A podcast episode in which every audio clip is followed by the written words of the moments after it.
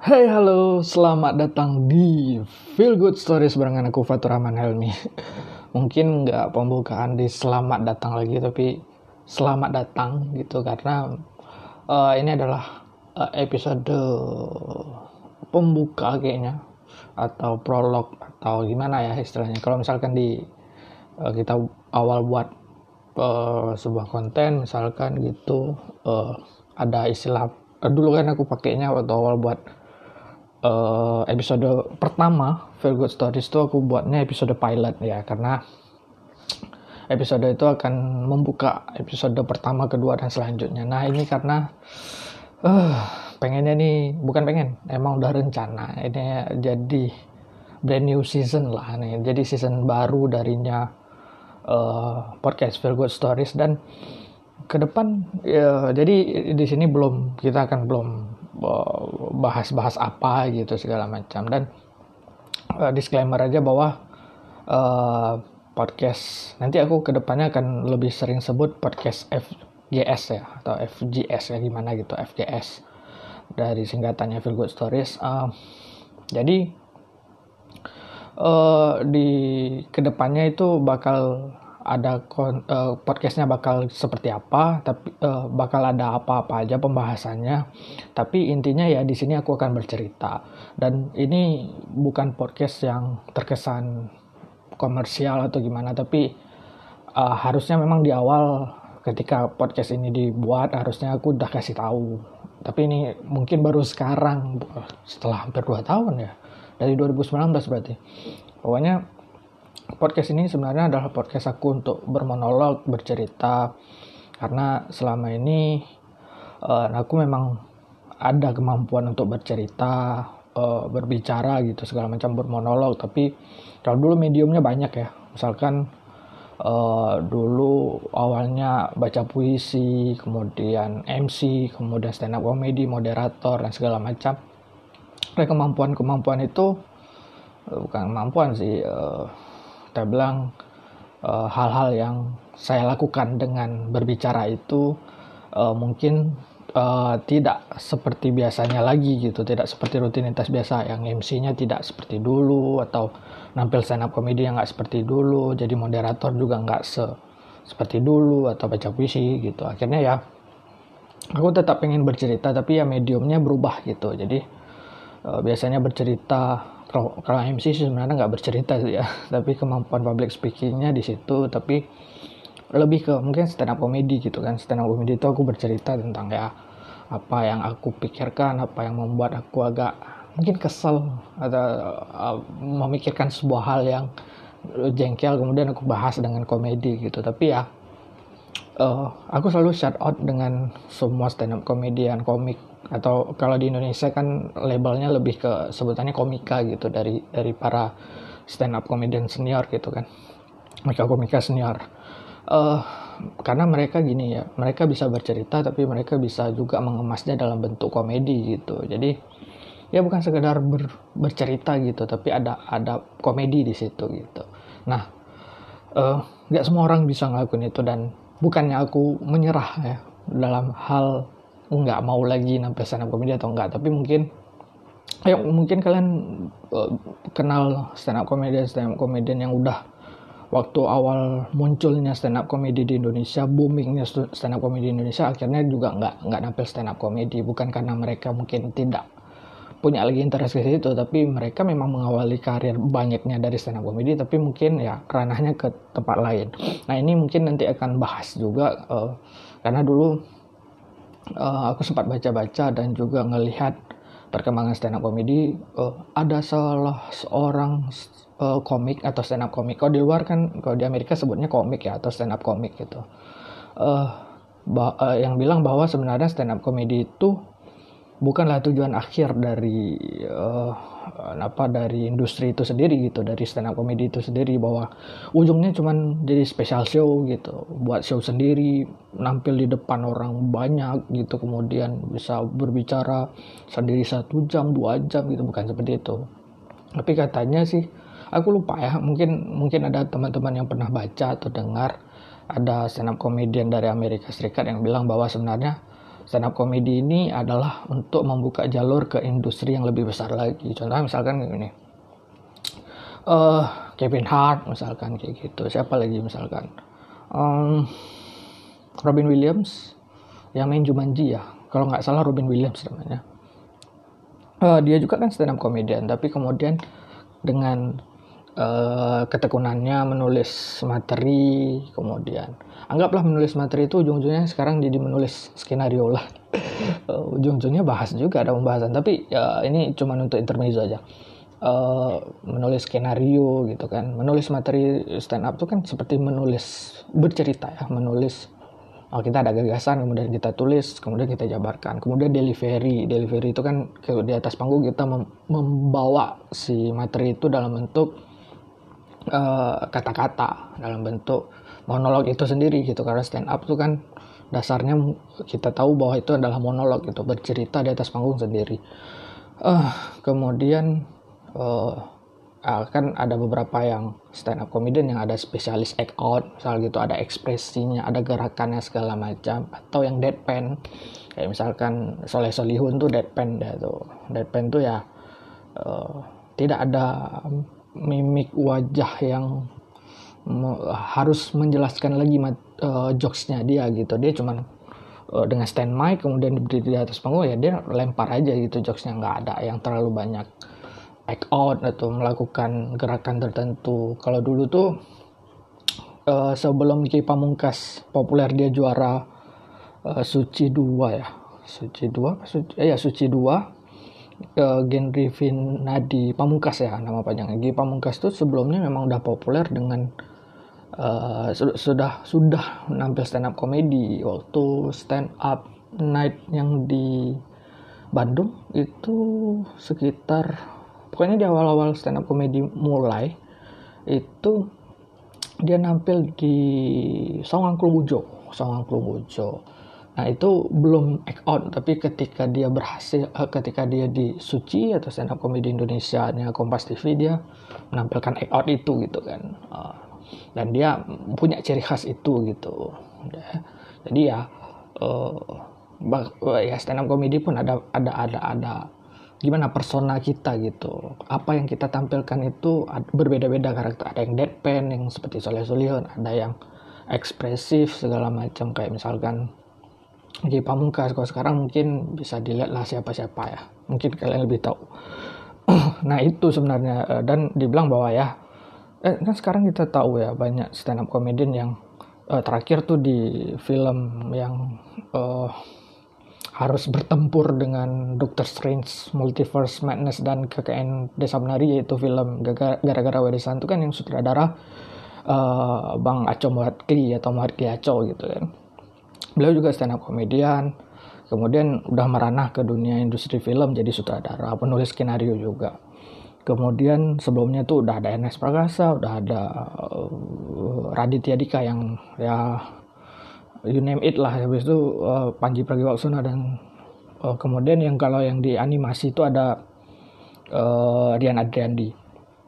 Uh, uh, maksudnya juga ya emang seperti itu ya dibilang sama stand up comedian di Amerika Serikat itu bahwa sebenarnya ini stand up comedy itu sebagai jalan untuk uh, masuk ke industri yang lebih besar seperti perfilman mungkin uh, serius kan? Kayak misalkan uh, NS Prakasa itu dari awalnya buat ngenes kemudian buat apalagi susah sinyal cek toko sebelah cek toko sebelah bikin seriesnya. Dan seriesnya nggak dia juga yang pegang tapi dia sebagai mungkin eksekutif produser atau sebagai supervisornya atau sebagai apa. Kemudian ya sutradaranya dikasih ke komika yang lebih muda lagi gitu. Uh, bahkan di Indonesia itu kan ada komedi konsult konsultan gitu kan konsultan komedi di film-film komedi gitu. Nah itu kan rata bukan rata-rata emang uh, komika semua di situ gitu kan. Kayak misal Adit Erwanda dan segala macam bisa lari ke mana aja kan. Kemudian uh, apa misalkan kayak bintang Emon tuh jadi kreator digital sekarang gitu kan. Banyak lah gitu. Jadi stand up comedy jadi stand up jadi jangan berpikir bahwa jadi stand up comedian tuh ujung-ujungnya cuma label kita cuma sebagai stand up comedian tapi bisa ke mana aja gitu. Bisa jadi aktor bisa jadi sutradara penulis skenario karena uh, dengan kita belajar stand up comedy. Sebenarnya kita kan belajar basicnya bukan belajar stand up comedy tapi kita belajar untuk bercerita tentang apa yang kita pikirkan apa yang kita gagas ada di pikiran kita gitu. Kita menulis materi kita menampilkannya sebagai di atas panggung. Kita kan berakting mau nggak mau kan istilahnya berakting kita di atas panggung. Kemudian bahkan kita ngedirect diri kita sendiri gitu kan mengarahkan diri kita sendiri kalau oh opening line-nya seperti ini. Oh kemudian tengahnya seperti ini isinya. Dan nutupnya harus gimana gitu. Dari situ mungkin nanti ada pembahasannya lagi. Kemudian aku juga nemu tulisan yang mengenai itu. Katanya apa eh, bagaimana stand up comedian itu adalah eh, aktor yang kuat gitu. Bahasa Inggrisnya ya why stand up comedian can be strong actor gitu ya. Gitu lah pokoknya gitu kan. Bagaimana stand up comedian itu sebenarnya adalah bisa menjadi aktor yang kuat kuat dalam secara apa karena dia bisa pembawaan dirinya udah matang segala macam. Yang membedakan karena uh, uh, dia awalnya di atas panggung sekarang di depan kamera gitu. Di depan banyak orang bisa di depan kamera. Bahkan uh, terakhir tuh uh, film Sri Mulat yang Hill Hill Hill Mustahal apa gitu ya. Yang harus uh, Hill Hill yang Mustahal itu Dimas Anggara uh, dia kan aktor aktor terkenal dengan film ya bagus-bagus segala macam gitu kan. Tapi ketika ada katanya ada bukan katanya sih di di di di Sri, uh, film Sri Mulat itu kan nampilin Sri Mulatnya yang di atas panggung gitu. Dan di atas panggung itu ada orang-orang yang nonton. Seorang Dimas Anggara aja ketika di atas panggung itu sampai demam panggung gitu. Jadi itu yang membedakan kalau misalnya stand up comedian udah berhadapan langsung dengan penonton gitu. Dan apa yang dilemparkan tuh langsung ada reaksinya. Sementara kalau aktor biasa dia kan di depan kamera yang langsung bereaksi ya sutradara atau gimana gitu. Walaupun ya kita nggak nggak bilang bahwa aktor tuh nggak sekeren stand up comedian tapi dimensi mereka dalam uh, menampilkan karyanya kan udah berbeda gitu. Nah ini panjang. Sebenarnya nggak nggak mau bahas ini dulu tapi itu cuma untuk intermezzo aja. Uh, intinya uh, di brand new seasonnya FGS ini podcast FGS nanti ke depannya lagi-lagi aku nggak mau uh, bikin patokan. Misalkan karena karena gini ini podcast ini aku bilang bukan podcast yang kejar tayang. Misal satu minggu harus ada satu episode. Dua minggu harus ada satu episode. Atau satu bulan minimal satu enggak. Tapi uh, podcast ini ya cuman bukan cuman ini jadi jurnal aku gitu. Jadi ketika aku ada yang pengen aku bahas ya aku akan bahas. Kalau nggak ada yang ngapain aku bahas gitu kan. Mungkin dengan uh, dan aku juga uh, nulis gitu kan. Mungkin yang lagi aku pengen uh, ada ada di pikiran aku tapi rupanya mediumnya oh lebih cocok nulis ya. Dah aku nulis puisi eh nulis nulis sepak bola kan sekarang nulis sepak bola atau nulis di uh, web blog kayak Kompasiana gitu kalau misalkan uh, nggak yang sepak bola gitu. Jadi uh, tergantung gitu. Karena medium aku sendiri untuk membuat ya kalau orang bilang karya tuh kesannya kayak oh, cuman emang cuman kamu aja tuh yang bisa buat karya bukan gitu maksudnya uh, menghasilkan sesuatu tuh kan nggak dari satu spektrum aja nggak nggak lewat audio gini aja gitu atau podcast. Tapi aku juga menulis gitu juga habis itu ngelakuin hal-hal yang lain gitu. Mungkin yang aku resahkan yang mungkin aku pikirkan tuh rupanya nggak cocok di medium ini gitu di podcast. Oh berarti cocoknya di medium lain gitu nulis misalnya segala macam. Nah, itu sih untuk uh, ini untuk prolog lah untuk pembuka untuk ya nanti di episode 1 dan selanjut selanjutnya di season yang baru ini semoga uh, ya lagi ku bilang nggak kejar tayang tapi diusahakan lebih baik lah ketimbang season sebelumnya yang uh, angin-anginan lah kita bilang gitu. Kemudian ini aku nggak janji tapi aku ada gambaran bahwa uh, uh, intinya FGS itu podcast ini itu bercerita apa pun ceritanya uh, tapi intinya ya ceritanya harus yang uh, positif. Ya nggak nggak nggak. Yang ngapain kita cerita-cerita yang galau galau-galau segala macam tapi kita nggak dapat apa-apa dari situ. Eh, intinya sebenarnya FGS ini kalau ngelihat sesuatu hal uh, yang mungkin sebenarnya mengganggu atau apa segala macam tapi kita cari uh, apa other side-nya gitu. Sisi lainnya oh dari suatu keterpurukan oh dari suatu galau oh dari suatu hal ini bisa kita lihat baiknya apa gitu. Menyen kalau kita lihat sisi ini oh sebenarnya ini hal yang menyenangkan tapi kita harus ngelewatin dulu harus survive dulu gitu. Dan uh, karena sekarang lagi rutin juga nonton-nonton film di platform streaming kayak Disney Plus, Hotstar sama Netflix uh, kemarin juga coba untuk catch play dan segala macam mungkin nanti bukan mungkin ya rencananya. Jadi jangan ditagih nih rencananya bakal akan ada pembahasan film. Kemudian musik juga kayaknya bakal ada pembahasan karena aku juga suka dengan musik. Ya kalau kalau film ya point of view-nya aku gitu. Misalkan oh filmnya kayak gini kayak gini gitu. Dan aku bukan pakar film cuman suka nonton film. Jadi ya pandangannya sebagai uh, penggemar film kemudian musik juga sebagai penggemar musik gitu. Tuh jadinya. Dan karena uh, cuman bisa berlangganan streaming film dan streaming musik jadi ya mungkin ya bukan hal-hal yang baru gitu. Kayak misal film oh yang keluar nih Doctor Strange Multiverse Madness. Lah di Aceh kan nggak ada nih bioskop. Jadi jadi ya kita bahas film-film yang uh, ada rilis di di platform digital atau yang uh, akhirnya rilis gitu setelah tiga bulan uh, selesai di bioskop. Ya kan udah turun apa turun layar kemudian uh, udah ada platform streaming. Ya kalau menarik ya aku akan bahas. Terutama ya pengennya bahas Moon Knight nih gitu kan. Salah satu series serialnya Marvel yang ya aku ngikutin kali gitu.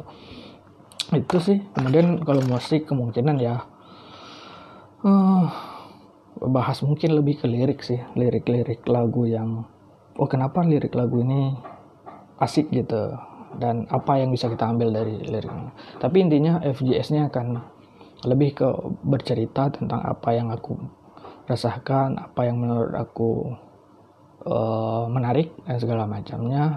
Dan ingat uh, feel good stories gitu. Walaupun ya ngarepinnya bisa jadi cerita yang menyenangkan tapi intinya bercerita lah dan menyenangkan atau enggak ya buat aku menyenangkan bercerita. Tapi mungkin yang dengerin terserah gimana gitu.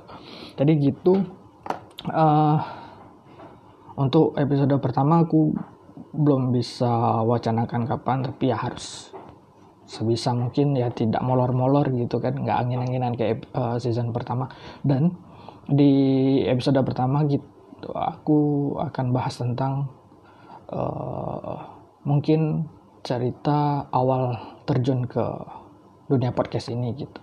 Gimana awalnya segala macam dan apa-apa yang membuat aku masih istilahnya masih pengen terus buat konten atau buat podcast gini ya buat konten episode podcast di sini. Oke. Itu aja sih. Ini padahal cuman untuk pembuka untuk season yang baru tapi lumayan juga durasinya. Dan uh, gitu aja.